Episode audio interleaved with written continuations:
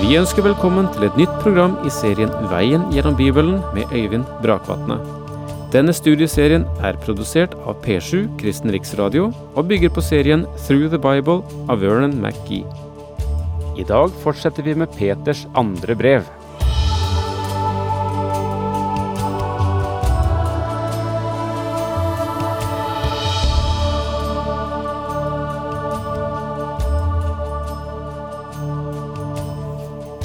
Det har vært en del hånlige kommentarer fra samtidskristne overfor Peter. Særlig dreier seg, dette seg om spørsmålet spørsmål om Jesu gjenkomst. Og de sier, og med rette ut ifra sitt snevre synspunkt, at uh, jorden er jo fremdeles slik som den alltid har vært, siden verden var skapt. Tingene forandrer seg jo ikke. Og deres tenkning går i sirkel, det er bare historien som har gjentatt seg igjen og igjen. Der er ingen utvikling, der er ingen, ingen særlig plan i dette. Men Peter har en annen tenkning. Han ser Gud som beveger seg i en linje med en klar målsetting. Og så tar Peter eksempel fra den verden som har vært, og sier det er jo en verden som har gått under. Og eh, vi eh, så på dette, og det var to løsningsalternativer her. En verden før Adams tid, eller så kunne vi se på den som den verden som gikk under på Noas tid, og vi holdt fast eh, på det siste. Og så har det kommet en, en ny verden, en ny situasjon, og det forteller at verden er ikke den samme.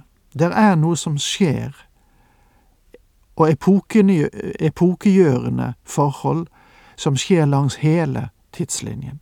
Gud beveger seg ikke i sirkel, men mot et mål, langs en linje.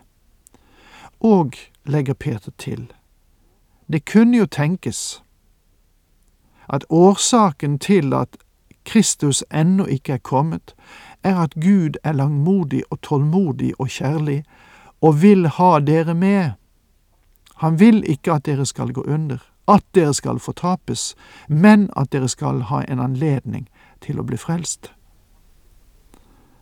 Det er kanskje en eh, tanke som burde virke, virke, virke håpefull og inspirerende på mange mennesker. At eh, det at Kristus ikke er kommet, det er min sjanse. Fremdeles er det nådetid. I det øyeblikk han er her, settes det strek for historien og nådens tid. Og da er vi inne igjen i det verset som vi forlot da vi sa farvel til hverandre sist, nemlig 2. Peters brev, kapittel 3, vers 9. Det er ikke slik at Herren er sen med å oppfylle sitt løfte, som noen mener. Nei, han er tålmodig med dere, for han vil ikke at noen skal gå fortapt, men at alle skal nå fram til omvendelse. Så Guds hensikt er klar. Du kan ikke nekte Gud å elske deg, eller gjøre han alt han kan for å frelse deg. Han vil ikke at noen skal gå fortapt, men at alle skal nå fram til omvendelse. Det er ikke Guds vilje at noen skal få gå. Han ønsker at vi skal føres fra døden til livet, og det kan skje du kan vende deg til ham og ta imot den vidunderlige frelse som han har gjort klar for deg. Vet du at du kan ikke holde Gud borte fra å elske deg? Du kan vrake hans kjærlighet, men du kan ikke hindre at hans hjerte fremdeles blør for deg. Du kan heller ikke hindre at det regner, men du kan slå opp en paraply for selv å holde regnet borte fra å falle på deg. På samme måte kan du slå opp likegyldighetens paraply eller syndens og opprørets paraply, så du personlig ikke får erfare Guds kjærlighet, men du kan ikke hindre ham i likevel å ha deg kjær. Der er en kjent historie fra gresk mytologi som illustrerer mitt poeng. En ung mann hadde en meget strålende mor, men han ble vilt forelsket i en meget ugudelig pike. Denne piken hatet guttens mor og kunne ikke tåle at hun var til stede. Det var ikke fordi moren anklaget henne, men fordi hennes vakre og rene karakter var en anklage mot piken selv. Tross det hadde gutten en intens kjærlighet til denne piken, for hun var meget vakker. Og han tagg og ba henne om å gifte seg med ham, og til sist sa hun, bare på ett vilkår. Du må skjære ut din mors hjerte og gi meg det. Vel, denne gutten hadde en vanvittig kjærlighet til piken, og begikk denne grusomme handling å ta livet av sin mor. Ta ut hennes hjerte og gi det til piken. Da han var på vei til henne med hjertet, så snublet han og falt, og da begynte hjertet å tale og sa, Min sønn, skadet du deg? Min venn, du kan slå Gud i ansiktet, symbolsk sett. Du kan vende ryggen til ham, du kan spotte ham, men du kan ikke hindre at han ønsker å frelse deg. Du kan ikke hindre ham i å elske deg, for han ga selv en frelse for din skyld, sin egen sønn, for at han skulle dø i ditt sted. Den Herre Jesus vil frelse deg om du vil ta imot den frelse han tilbyr. Mine venner, tingene kommer ikke til å fortsette som de nå gjør. Jeg kjenner til at mange mennesker synes at livet er monotont og kjedelig. Vel, en dag skal hele denne monotonien være brutt, og dommen kommer. Du og jeg lever i en verden som går mot ilden. Herrens dag skal komme som en tyv, da skal himmelen få gå med et drønn, elementene skal komme i brann og oppløses, og jorden og alle gjerninger som er gjort på jorden, skal komme fram i lyset. Herrens dag skal komme som en tyv. Det har vært en god del diskusjoner om dette finner sted ved Herrens komme for å opprette sitt rike, eller ved slutten av tusenårsriket. Personlig kjenner jeg meg ganske trygg på at Herrens dag er en forlenget tidsepoke som åpner med trengselen, etterfulgt av tusenårsriket med Kristus som hersker. Deretter det korte opprør av Satan, og så dommen ved den store hvite trone. Deretter, slik jeg leser åpenbaringsboken, kommer en ny himmel og en ny jord inn i synsfeltet. Som en tyv er det samme uttrykket som Paulus bruker i første Tessalonikerne 5 vers 2, og antyder at det vil starte uventet. Da skal himmelen få gå med drønn. Det greske ordet brukt her for drønn, det er roisedom.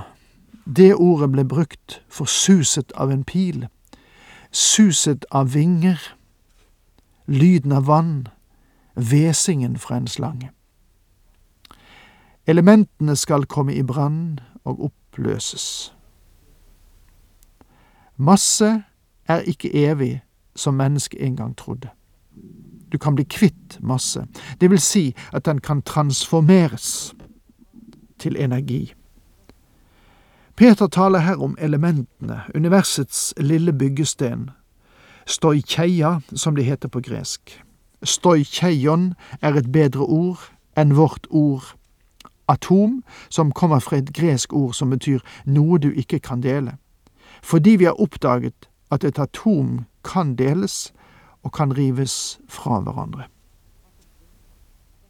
Oppløses har som grunnlag et av de enkleste greske ord, nemlig verbet lyo, som ganske enkelt betyr å løse eller ta fra hverandre. Ved å ta fra hverandre atomet har mennesket kunnet skape en liten bombe som har en kolossal sprengkraft. I dag forsøker mennesket å forløse den energien fordi du og jeg lever i en verden som er i ferd med å slippe opp for eh, ressurser. Da Gud formet denne verden, så la han en masse ressurser inn i den. Det var som et supermarked, men mennesket kom og ødela denne jord. Vi har forurenset jorden og begynner å bruke opp alt det Gud hadde lagt i spiskammerset, og alt det han hadde lagret for oss på stabburet. Men der er et veldig potensiale av energi i det lille atomet, og det er vi vel alle klar over. Når Gud ødelegger denne jorden en dag, blir det en kolossal affære. Det er i alle fall mulig å tenke seg at det blir en gigantisk atomeksplosjon, og jorden blir til intet. Den saken er nå tenkbar, og jorden og alle gjerninger som er gjort på jorden, skal komme fram i lyset. I den gamle oversettelsen heter det at jorden og tingene på den skal oppbrennes. Og det er mer i pakt med det ordbruk også Paulus har. Eh, hvis du leser i første Korintiabrev kapittel 3 vers 12-15 for eksempel. Dette inkluderer også de veldige vannmasser som finnes på jorden. De skal brenne opp. Vi vet i dag at vann utgjøres av to elementer, hydrogen og oksygen, og begge er gasser og kan bli meget eksplosive.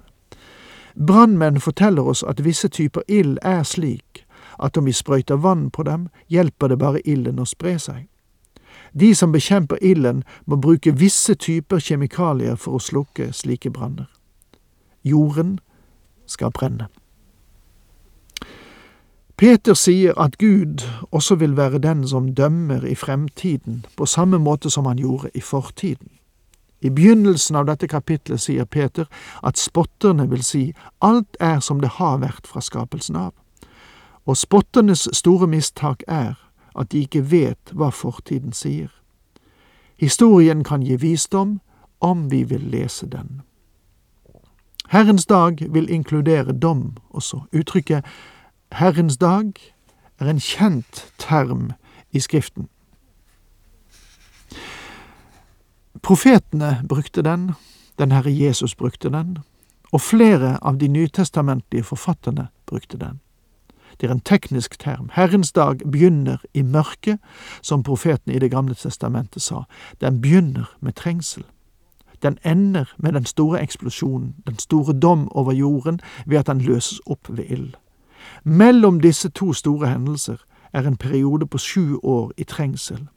Kristi komme til jorden for å opprette sitt rike, tusenårsriket, en kort periode når Satan og de som gjør opprør sammen med ham, blir løst. Satan bindes endelig, og den store hvite trone reises, og der de fortapte får sin dom. Og så, etter dommen over jorden som Peter beskriver, så vil en ny himmel og en ny jord stige fram i horisonten. Når nå alt skal gå i oppløsning, hvor hellig og gudfryktig bør dere da ikke leve? Nå sier Peter, på bakgrunn av hva som er hendt og hva Gud kommer til å gjøre i fremtiden, at du og jeg ikke bør stå på sidelinjen og tvinne tomler og hengi oss til ensidig kritiske merknader. Kristne synes det er så enkelt å kritisere andre, men hva gjør du spesielt for å utbre Guds ord? Det er et viktig spørsmål til enhver tid for enhver kristen, for enhver menighet, hver predikant og hvert eneste menneske som sitter på en kirkebenk bør si til seg selv, jeg sitter ikke her for å sette meg til doms over predikanten, jeg er ikke her for å dømme andre kristne, jeg er her for å formidle Guds ord videre, for å gjøre noe som bygger, og spørsmålet er, hva gjør jeg for å fullbyrde det? Og dermed må jeg si, takk for nå, Herren med deg.